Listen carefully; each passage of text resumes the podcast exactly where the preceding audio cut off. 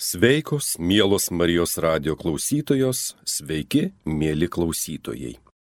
Džiaugiuosi, kad vėl galime susitikti ir pabūti radio laidoje. Prie mikrofono savanorius Tomas Ladiga. Šį kartą su jumis noriu plačiau pakalbėti apie neeilinę asmenybę - bažnyčios mokytoją ir daktarę, mystikę, Ispanijos globėją, ispanų literatūros klasikę, šventąją Jėzaus Teresę Avilietę.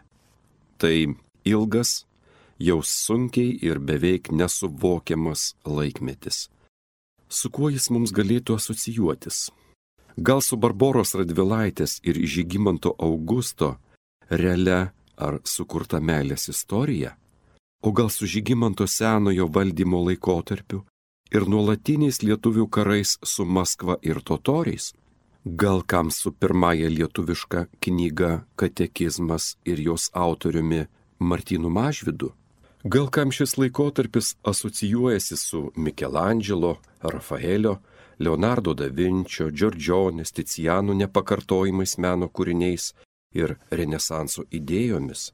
Tai ir Jėzaus draugijos įsikūrimo metas su šventuoju Ignacu Lojola ir jo ištikimuoju bendražygiu šventuoju Prancišku Miksaveru.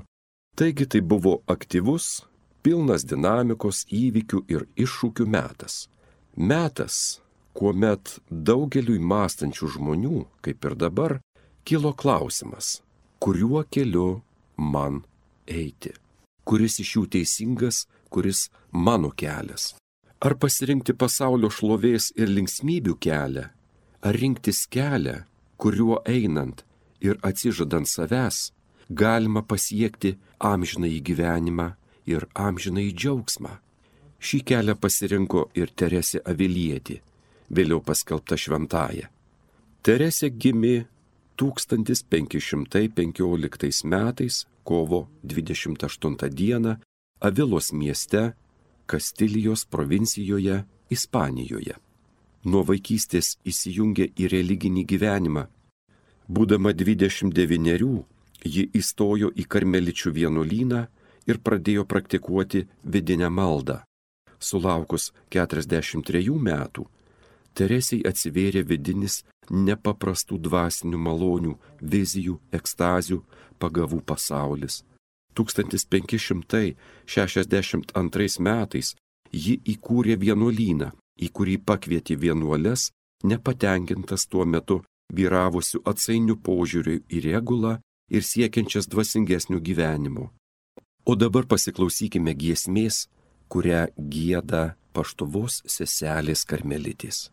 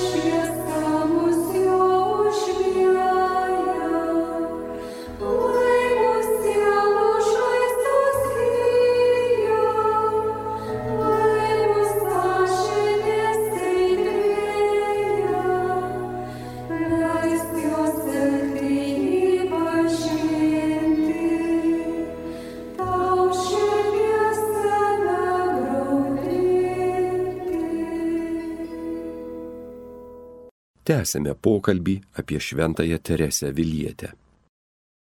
Pirmojo basųjų karmeličių vienuolyno pagrindiniai bruožai - visiškas atsiribojimas nuo išorinio pasaulio, tyla, asketiškumas, šiurkštus rūbai, sandalai ir nuolatinį abstinencija. Taigi, ji yra karmelito vienuolyno atnaujintoje. Naudodamiesi progą viso Marijos radio darbuotojų vardu sveikiname visas seseris karmelites paštuvoje, jos turi tokią galingą užtarėją pas viešpatį. Būkite visos džiaugsmingos, stiprios tikėjime ir pasiryžimuose, sveikos kūnų ir šventos kaip Teresė Avilietė. Te laimina jūs Dievas, ačiū, kad jūs esate ir gyvuokite ateityje paskaitysiu ištrauką iš Teresės Avilietės knygos Sielos pilis. Viskas prasidėjo 1577 m. pavasarį. Teresė tuo metu gyveno Toledo mieste. Tėvas Gracianas, tuometinis apaštališkasis komisaras ir karmelitų vyresnysis, svarstė su šventaja dvasinio gyvenimo klausimus. Jie nurodė, kad šiuos klausimus yra išsamei aprašiusi savo autobiografinėje knygoje Gyvenimas. Gracianas atsakė, kad toji knyga yra Ispanų inkvizicijoje ir todėl neprieinama skaitimui ir būtų gerai, jei Teresė apie tai parašytų naują knygą.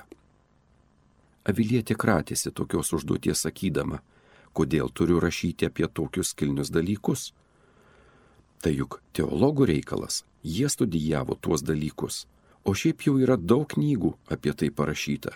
Aš visiškai nesutinku. Tėvas Gracianas netlyžo sakydamas, kad šventoji turi ypatingą patirtį. Ir tai, ką ji gali pasakyti iš savo patirties, yra žymiai geriau ir suprantamiau negu mokytų teologų surankiota iš knygų. Šį pavedimą perėmė ir tuometinis Teresės nuodėm klausys, Toledo kanauninkas daktaras Velaskvesas. Ir taip sulaukusiu 62 metų amžiaus, lygų nukamuota ir apkrauta visokiais darbais, šventoji ėmėsi vykdyti duotą pavedimą. Pradėjusi rašyti 1579 m.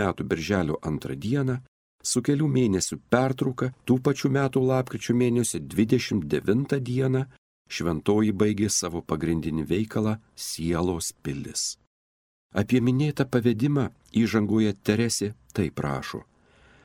Nedaug užduočių, kurias atlikau klusnumo vedama, buvo tokios sunkios kaip ši - rašyti apie maldą. Man atrodo, kad šiam darbui viešpats nedavė man nei dvasinio sugebėjimo, nei norų. Gavusi užduotį rašyti apie vidinę maldą, Teresė mąstė, kaip išpildyti šį pavedimą. Ji nežinojo, kaip pradėti rašyti, kad kuo geriau nušviestų vidinės maldos esmę. Dar prieš gaudama šią užduotį, šventoji troško pamatyti malonės būvyje esančią sielą. Švenčiausiosios trybės šventės išvakarėse ji mąstė, kokia turėtų būti pagrindinė knygos idėja. Viešpats išpildė jos troškimą, pateikdamas idėją, kuri ir tapo pagrindinė šios knygos mintis. Ji išvydo krištolinę, rutulio pavydalo, nuostabaus grožio pilį, kurioje buvo septynios buveinės. Septintoje buveinėje esančioje pačiame pilies centre gyveno nuostabia šviesa švytintis karalius, kuris apšvietė ir puošė visas buveines ir pilies aplinką.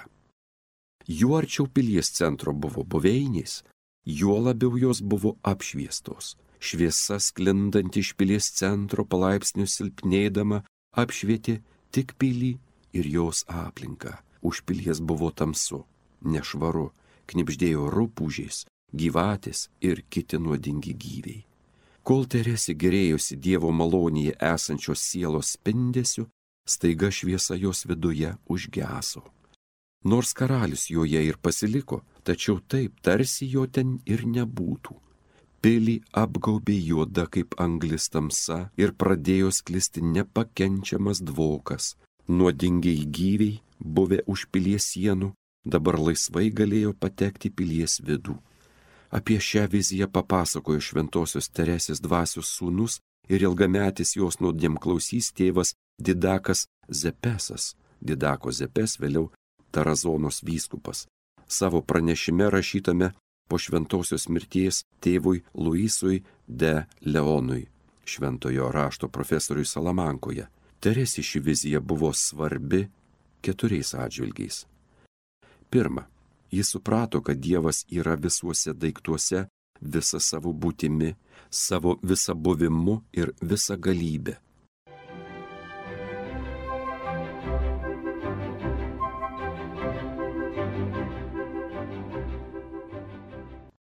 Antra, Teresė suprato, kokia didelė yra nuodėmės įtaka. Nors Dievas iš sielos nepasišalina, bet lieka joje taip, tarsi jo ten ir nebūtų. Trečia. Šis regėjimas labai paskatino jos nusižeminimą. Kad ir kiek gerą bedarytų, visai negalvojo apie save, nes pamatė, kad visas sielos grožis kyla iš jos viduje esančios šviesos, kad visas sielos ir kūno galės stiprina sielos centre gyvenantis karalius. Ketvirta, šis regėjimas tapo knygos apie vidinę maldą pagrindu. Teresė suprato, kad septynios buveinės yra tarsi septynios maldos pakopos, kuriomis įžengėme ir artinamės prie Dievo. Tobulai pažindami save ir įeidami į savo sielos gelmes, ateiname į centrinę pilies buveinę, kurioje gyvena pats Dievas. Ir čia susijungiame su juo taip tobulai, kaip šioje žemėje yra įmanoma ir tampame jo šviesos ir meilės dalininkais. Thank you.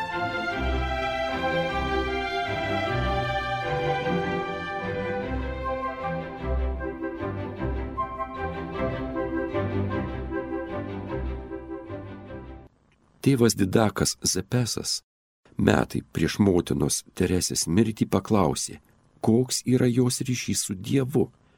Jie atsakė, kad tas ryšys yra nuolatinė malda ir buvimas visą laiką susijungus su dieviškąja didybė, neturint jokio kito noro išskyrus vienintelį, kad išsipildytų Dievo valia.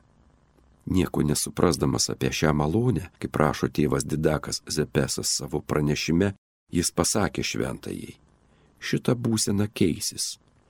Į tai Teresė atsakė, kad šita būsena nesikeis, nes jau keturiolika metų, kai Dievas pakėlė ją į šitą būseną. Nuo tada išnyko visos ekstazijas, nes jei jos būtų ir toliau tęsusios, kūnas būtų netlaikęs ir be ekstazių Dievas apdovanoja ją dvasiniais malonumais, kuriuos anksčiau patirdavo dvasinių pagavų metu. O dabar kviečiu į muzikinę pertraukėlę.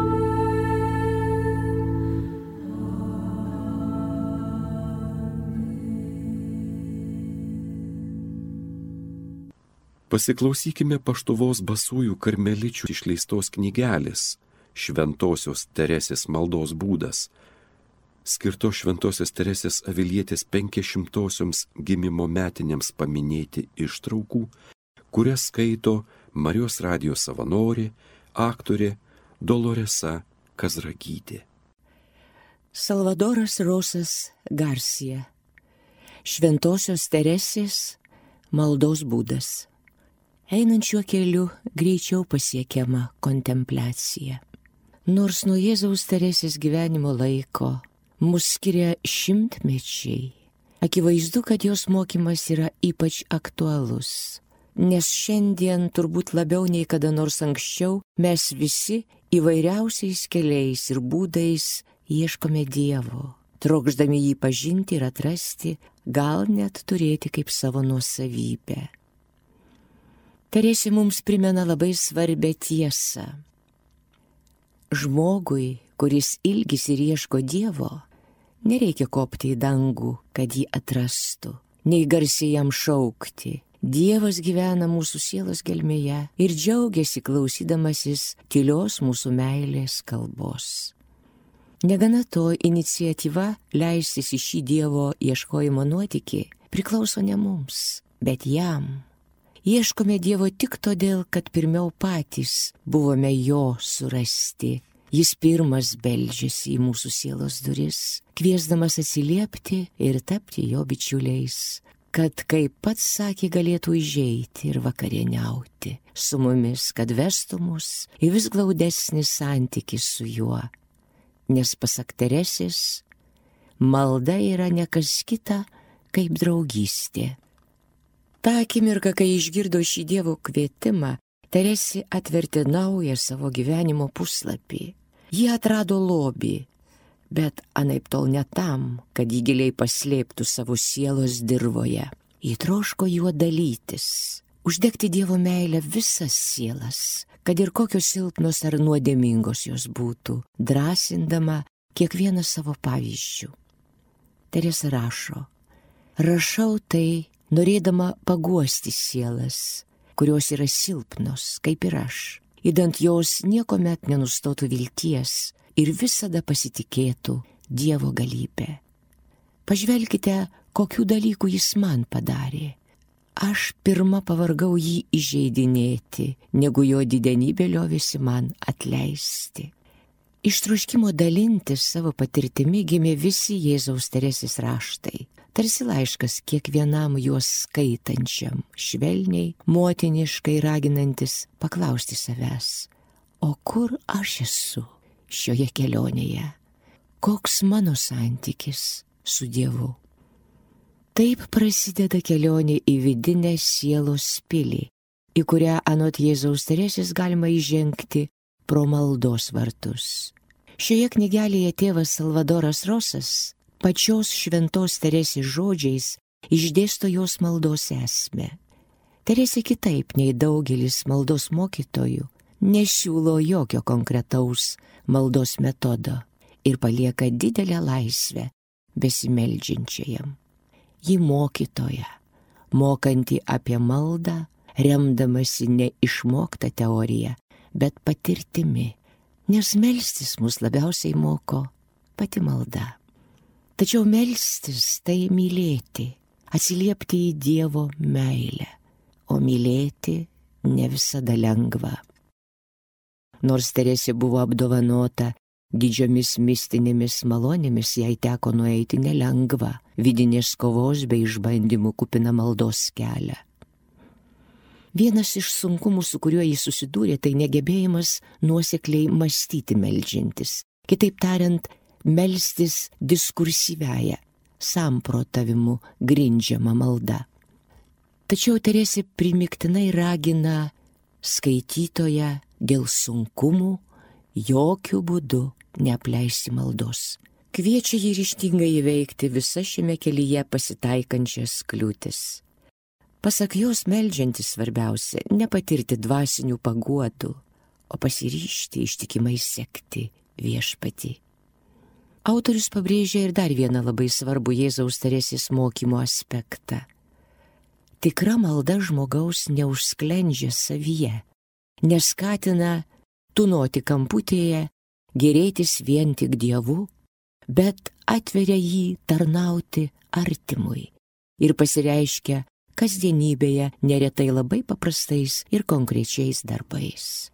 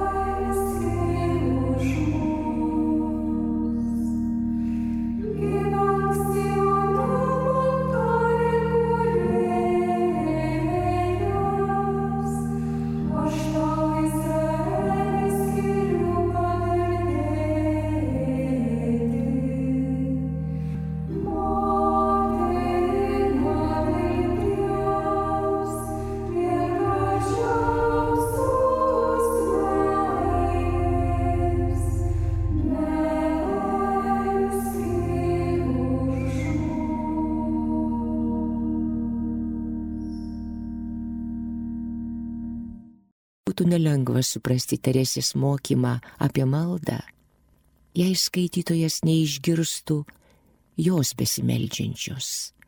Visi šventosius raštai smelkte persmelkti spontaniškos maldos, dėkojimo, šlovinimo, pokalbio su skaitytoju ir su viešpačiu, todėl įvesdindamas mus į Jėzaus Teresės maldos mokyklą, tėvas Salvadoras pateikė jos maldų ir poezijos ištraukų. Pastarosius grožį nelengva perteikti vertimu, todėl dėkoju seseriai Teresėjai atėjusiai į pagalbą ir išvertusiai šiuos eilėraščius. Šventojios Teresės maldos būdas. Teresė mokytoja, mokanti iš patirties.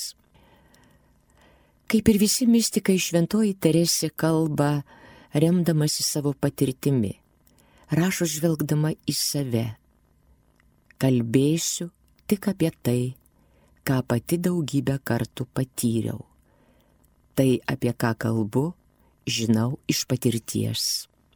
Ji dega troškimu perduoti šią patirtį, turėdama didaktinį, mistagoginį tikslą - kitus nuvesti ten, kur nukeliavo pati. Jos citata - jo didenybė žino, kad be klusnumo dar trokštų privilioti sielas į tokį didį gėrį. Suprasdama, kad jos patirtis prašyte prašosi, perduodama, ji rašo tokiais didžiais dalykais bei malonėmis, tu viešpatė paprastai apdovanoji sielą tik tam, kad ji būtų naudinga daugeliui. Jo garbiai papasakosiu apie kai kurias iš jų, kad kuri nors siela galėtų tuo pasinaudoti ir visus užsidegtų troškimu patikti jo didenybei, nes jis jau šiame gyvenime teikia tokius savo meilės ženklus. Todėl ji nori rašyti visiems, suplunksna rankoje būti tuo, kuo buvo gyvendama dvasinė mokytoja. Pati Teresė stebuklingai glaustai paaiškino savo raštų kilmę bei mokymo paslapti.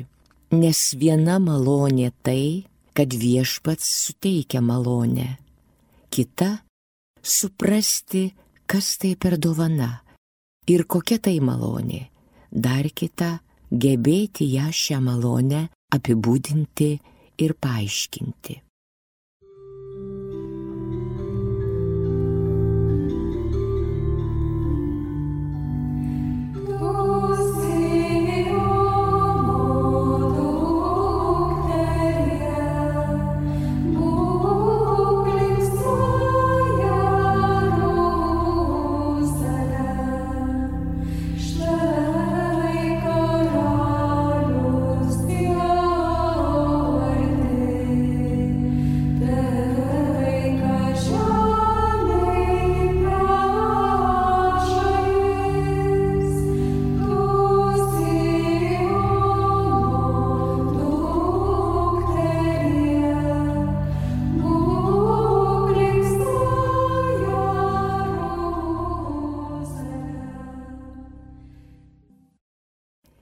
Kas tau lygus gražumu, o neregėtas grožį, veri nežeisdamas skausmu ir be skausmų vaduoji iš meilės tavo sutvėrimų.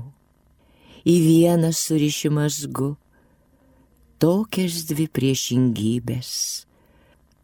Kodėl atsiriši, nesuprantu, juk tu jėga apdovanoji geriu paversti visas blogybės. Surišęs tą, kurio nėra, su būtimi be galo, tu neužbaigdamas baigi, neverta meilės myli, didybę teikdamas menkybei. O mano gėri, leisk ateiti tokiai akimirkai, kuomet galėčiau bent kokius skatiku atlyginti tau didžiulę savo skolą. Jei nori viešpatie, nurodyk, kaip ši tavo tarnaitė galėtų nors kažkuo tau pasitarnauti.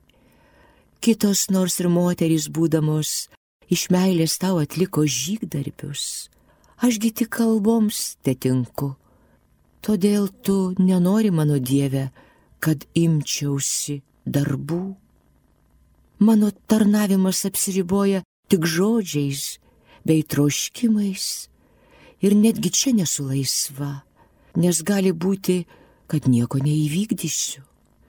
Sustiprink mano sielą ir iš anksto paruošk ją visų gėrių gėri, mano Jėzau, ir paskui parodyk, kaip galėčiau ką nors dėl tavęs nuveikti, nes yra nepakeliama tiek daug gaunant niekuo neatsilyginti.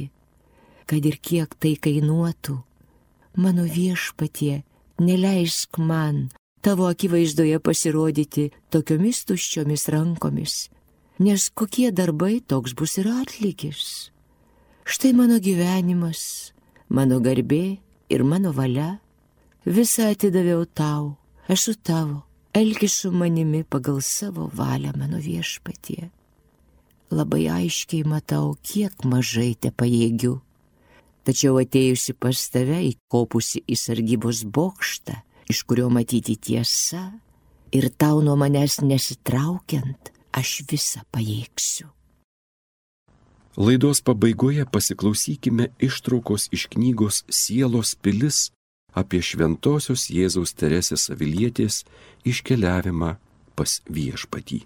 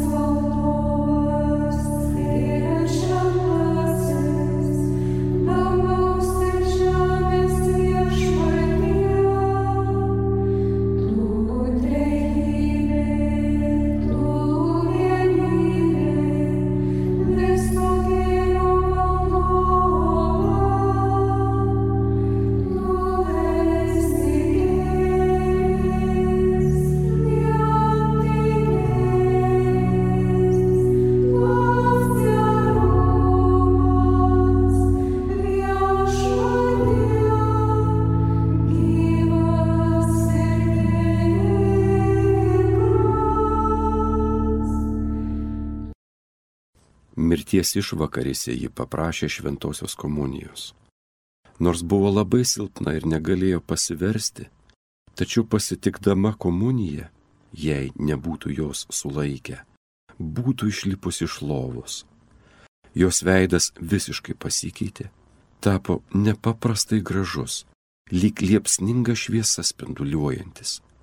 Jame švietė didi pagarba ir jaunatviškas gaivumas sudėjusi rankas jausdama artėjančią mirtį, pilna vidinio džiaugsmo, spindėdama visa savo dvasios gale, ji ėmė gėdoti savo gulbės giesmę tokiu meilingu balsu, kokio dar niekas negirdėjo.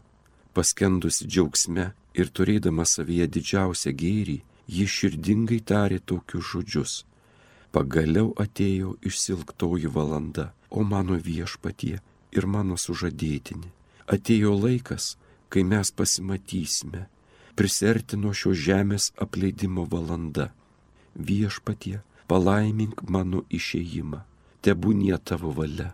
Pagaliau atėjo valanda, kai būsiu išlaisvinta iš šios tremties ir mano siela tavo akivaizdoje galės gerėtis tuo, ko ji taip labai troško. Ji dažnai kartojo 50 psalmės žodžius. Manoji Dieve auka, tai širdis sugrūdus, graudžiaus, nuolankios širdies tu neatstumsi, neatstumki nuo manęs savojo veido, prarast tavo šventąją dvasę neleiski, sutverk širdį man tyrą, o Dieve, manį nepalaužiamą dvasę atnaujink. Ypatingai dažnai jį kartojo, graudžios, nuolankios širdies tu neatstumsi. Visą naktį praleido dideliuose skausmuose, nuolat kartodama šios psalmės žodžius. Ryte, laikydama rankose nukryžiuotąjį, atsiguliant šono taip, kaip tapytojai piešia atgailaujančią Magdaleną. Šioje padėtyje išbuvo iki mirties, jos veidas spindėjo, nes dvasia buvo nuolatiniuose vidiniuose regėjimuose. Kai ji buvo arti mirties, veido išraiška buvo tokia džiaugsmingai nuostabi, jog atrodė, kad su ją kalbasi viešpats ir jai nuostabius dalykus rodo. Taip ji išbuvo iki 9 valandos vakaro. Šią valandą jos skaisti ir šventa siela ramiai ir švelniai atsiskyrė nuo kūno. Tai įvyko 1582 m. spalio 15 dieną.